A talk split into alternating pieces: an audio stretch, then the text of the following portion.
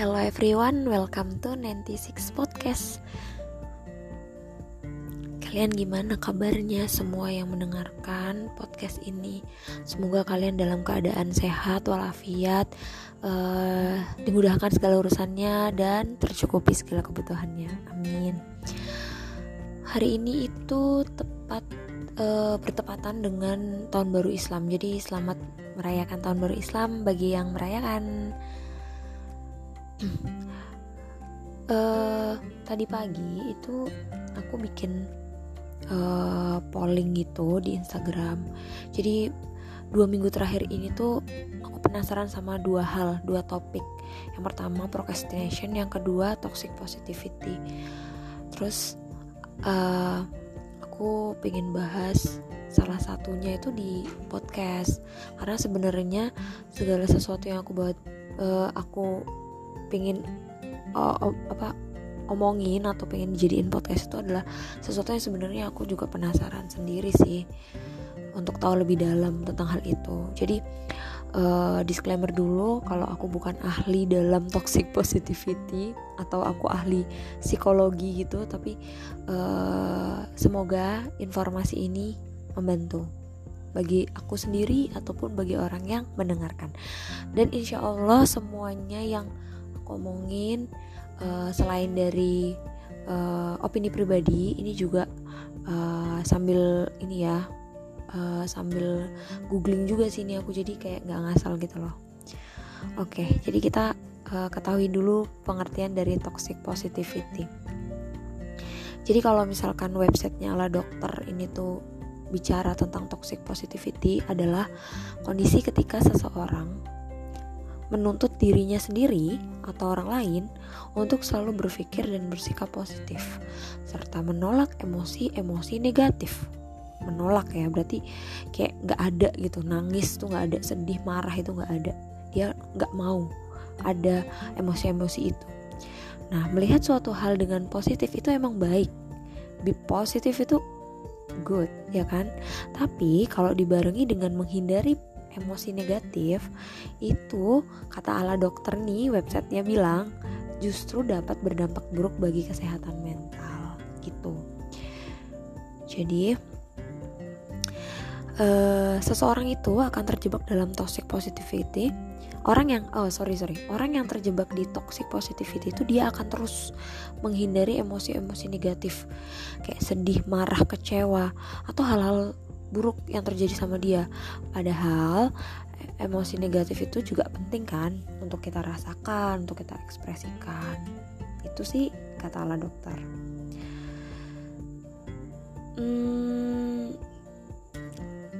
kemudian kalau katanya Urban Dictionary ini tentang toxic positivity itu uh, si Urban Dictionary ngutip kalau misalkan dia menyebutkan bahwa kalimat seperti kayak gini contohnya toxic positivity. Menurut Urban Dictionary kalau kamu tetap positif kamu akan mengatasi segala kesulitan yang ada. Nah ini sebenarnya bagus sih cuman dia mengabaikan perasaan yang sesungguhnya gitu loh. Seolah-olah yang nega perasaan negatif yang dialami itu apa nggak penting gitu apalagi kalau misalkan dia ngomongnya ke orang lain gitu. Kayak nggak apa-apa udah jalan aja gitu. Kayak seakan-akan masalah si orang itu tuh tidak penting tidak berat tidak tidak uh, apa ya tidak tidak harus dilalui tidak harus dirasakan seperti itu. Jadi ya itu sih. Terus ada yang bi biasanya tuh ya contohnya lagi nih contoh lain dari toxic positivity. Biasanya kita kalau misalkan curhat ke orang tuh terus bilang halah wajar kayak gitu aja kok. Terus ngomong lagi apa? Iya ya tahu berat gitu. Aku juga kok pernah ngalamin kayak what the tit? Kita nggak butuh loh. Maksudnya aku pernah ngerasain kayak gitu sih. Maksudnya kita cerita ke orang terus kayak orang itu tuh uh, udah pernah ngalami hal itu akhirnya dia ngerasa ya udah kek. Ya udah kayak nggak apa-apa kayak gitu. Malah gitu doang. Kayak bisa-bisa kayak seakan-akan masalah kita tuh nggak penting gitu. Masalah kita tuh uh, kan kondisi mental orang itu beda-beda ya. Jadi uh, kita cerita kayak gitu tuh ya udah nggak usah kayak seakan-akan tuh aku nggak peduli juga gitu loh sama ceritamu. Kamu udah ngalamin kayak aku nggak peduli. Dengerin aja kenapa. Kalau kamu nggak bisa ngasih advice aku yang baik gitu. Sebenarnya dia mungkin niatnya baik ya tapi jatuhnya tuh itu malah toxic positivity. Nah, kita harus tahu nih kan masih gamblang tuh. Karena kita ini sebenarnya dia beneran ngasih kita advice positif atau enggak sih gitu kan. Jadinya kita harus tahu nih ciri-ciri uh, diri kita sendiri yang udah terjebak di toxic positivity atau enggak kita ketahui orang yang uh, toxic positivity gitu. Yang pertama, itu kita menyembunyikan perasaan yang sebenarnya sedang dirasakan. Misalkan lagi sedih uh, sedih banget gitu terus kita ya udah kayak pura-pura bahagia aja gitu terus terkesan menghindari dan membiarkan masalah jadi masalah itu nggak dihadepin. Ya udah dibiarin aja. Bahkan ada yang lari. Terus merasa, merasa bersalah ketika merasakan atau mengungkapkan emosi negatif. Terus kayak uh, nangis tuh kan nggak apa-apa kan? Nangis tuh nggak apa-apa marah itu nggak apa-apa gitu. Asalkan jangan berlebihan kan? Air mata itu ada untuk dikeluarkan ya kan? Tapi tuh orang yang toxic positivity tuh dia ngerasa ih kenapa nangis sih? Gitu kayak ih kok aku kok aku atau kamu ya misalkan kita ngomongnya sama orang lain gitu atau nggak sama diri sendiri aku atau kamu tuh kok kok cengeng banget sih gitu. Sorry. Apa tuh tadi? Nggak tahu deh. Itu kayak gitu. Terus juga biasanya orang-orang yang toxic positivity itu uh, pernyataan pernyataan yang selalu diucapkan itu kayak jangan nyerah gitu aja kok masa nggak bisa? Kayak hah? Apa? Suka kesel sih soalnya beneran.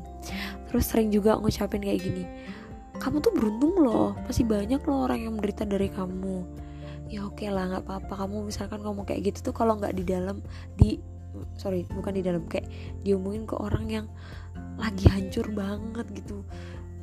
Masalahnya kamu ngomong gitu tuh ke orang yang hatinya rapuh banget gitu terus juga ada biasanya gini coba deh kamu lihat sisi positifnya aja. Lagi pula ini juga salahmu kayak malah makin menyalahkan diri sendiri. Aduh itu parah sih. Itu harus hati-hati juga karena kita tuh kadang nggak sadar ya kayak kita tuh nggak mau uh, masalah itu berlarut-larut sama kita. Terus kayak kita tuh mau nangis itu uh, bilang gitu sama diri kita sendiri enggak nggak apa-apa nggak usah nangis. Iya bener sih kayak itu kan sugesti. Maksudnya untuk kita tidak apa ya lebih kuat lagi gitu. Tapi oke okay loh nangis tuh juga nggak apa-apa gitu. Uh, Tuhan nyiptain air mata juga untuk dikeluarin ya kan? Jadinya ya udah. Ntar malah jadi penyakit. Uh, yang suka drakor tuh yang aku nggak tahu ya ini tuh uh, emang udah ada riset dari kesehatannya atau enggak tapi di drakor yang judulnya Doom at Service itu itu tuh kayak si pemeran utamanya tuh punya sakit kanker. Gara-gara dia nggak pernah nangis seumur hidupnya. Kan bahaya juga kayak gitu. Jadi ya ya udah oke okay kalau misalkan emang mau nangis mau marah cuman ya jangan berlebihan gitu aja. Hmm, terus sekarang itu kan toxic positivity itu udah jadi kayak over generalis general generalisasi gitu. Sorry agak belibet ya. Jadi kayak misal uh, mungkin ada orang yang kayak uh, udah capek banget gitu dengerin keluhan orang gitu. Akhirnya dia udah tepuk rata aja gitu masalahnya gitu. Padahal kan nggak kayak gitu. Misalkan masalahnya sama nih sama-sama apa ya? Oh ya sama sekarang lagi pandemi kan. Itu kan banyak orang yang kayak ekonominya lagi kurang stabil tuh. Nah itu tuh misalkan keluhannya sama sama-sama ekonomi kurang stabil. Terus kita cerita nih sama si misalkan si A cerita ke B gitu ya. Terus si B nanggepin tuh dengan toxic positivity-nya. Udahlah nggak apa-apa disyukurin aja dulu. Kayak terus aku juga pernah ngalamin kayak gitu. Aku juga dengan hal yang sama gitu. Ya kita lihat dulu kondisinya si A bener-bener yang uh, punya sama sekali dan sedangkan si B uh, rumah masih ada masih bisa tidur masih punya orang tua. Jadi kita nggak bisa tuh nempuk rata mengeneralisasikan keadaan kita dengan keadaan orang lain. Mungkin kita kuat tapi belum tentu orang lain gitu loh. Jadi uh, saran aku sih dengerin aja dulu kalau misalkan ada orang yang cerita gitu. Ya udah dengerin aja dulu. Uh, apa ya peduli lah sama keadaannya dia ikut simpati. Ya nggak perlu sampai kamu ikutan nangis juga tapi ya paling nggak uh, kasih dia uh, your love language gitu kayak physical touching atau kamu bisa kasih advice yang uh, instead itu solution ya. Jadi bukan yang oh cuman kayak statement-statement eh nggak apa-apa kamu kuat yang sabar gitu. Itu udah basi tau gak sih? Jatuhnya tuh kayak kamu ngeremehin ini masalah gitu. Jadi kayak kamu nggak sebenarnya nggak simpati gitu. Ya gitulah. Terus juga ya itu sih. Jadi kalau toxic positivity itu kalau menurut aku tuh itu. Itu mungkin kita bisa hindarin ya. Mungkin kita hindarinnya dengan cara-cara yang uh, membiarkan emosi negatif itu ada terlewati dulu. Semisal kita lagi nangis ya udah nangis. Kalau malu ya kita punya Tuhan coy. Kita punya Allah kita punya kita punya orang-orang terdekat. Ya udah nangis ke depan orang-orang yang udah tahu kalau misalkan kita tuh ya lemah gitu. Ya udah nggak apa-apa nangis aja dulu. Marah mau marah boleh. Ya tapi jangan berlebihan kayak gitu. Ya kita kita sendiri lah yang tahu gimana cara kontrol kita diri kita gitu. Daripada kita harus membohongi diri kita sendiri terus eh nggak apa-apa ah nggak apa-apa nggak apa-apa gitu. Lama-lama hancur sendiri sih. Bukannya kita malah kuat tapi kita malah merasa tertipu gitu. Sama kata-kata itu. Gitu maaf banget kalau misalkan uh, ini tuh terlalu kayak apa ya? Terlalu kayak hmm, uh, opini sepihak gitu. Tapi semoga bermanfaat juga uh, terus juga um, semoga kita bisa mengatasi uh, dan terhindar tidak terjebak dengan keadaan toxic positivity baik diri kita ataupun kita ke orang lain gitu ya oke makasih udah dengerin uh, sampai jumpa di podcast selanjutnya bye.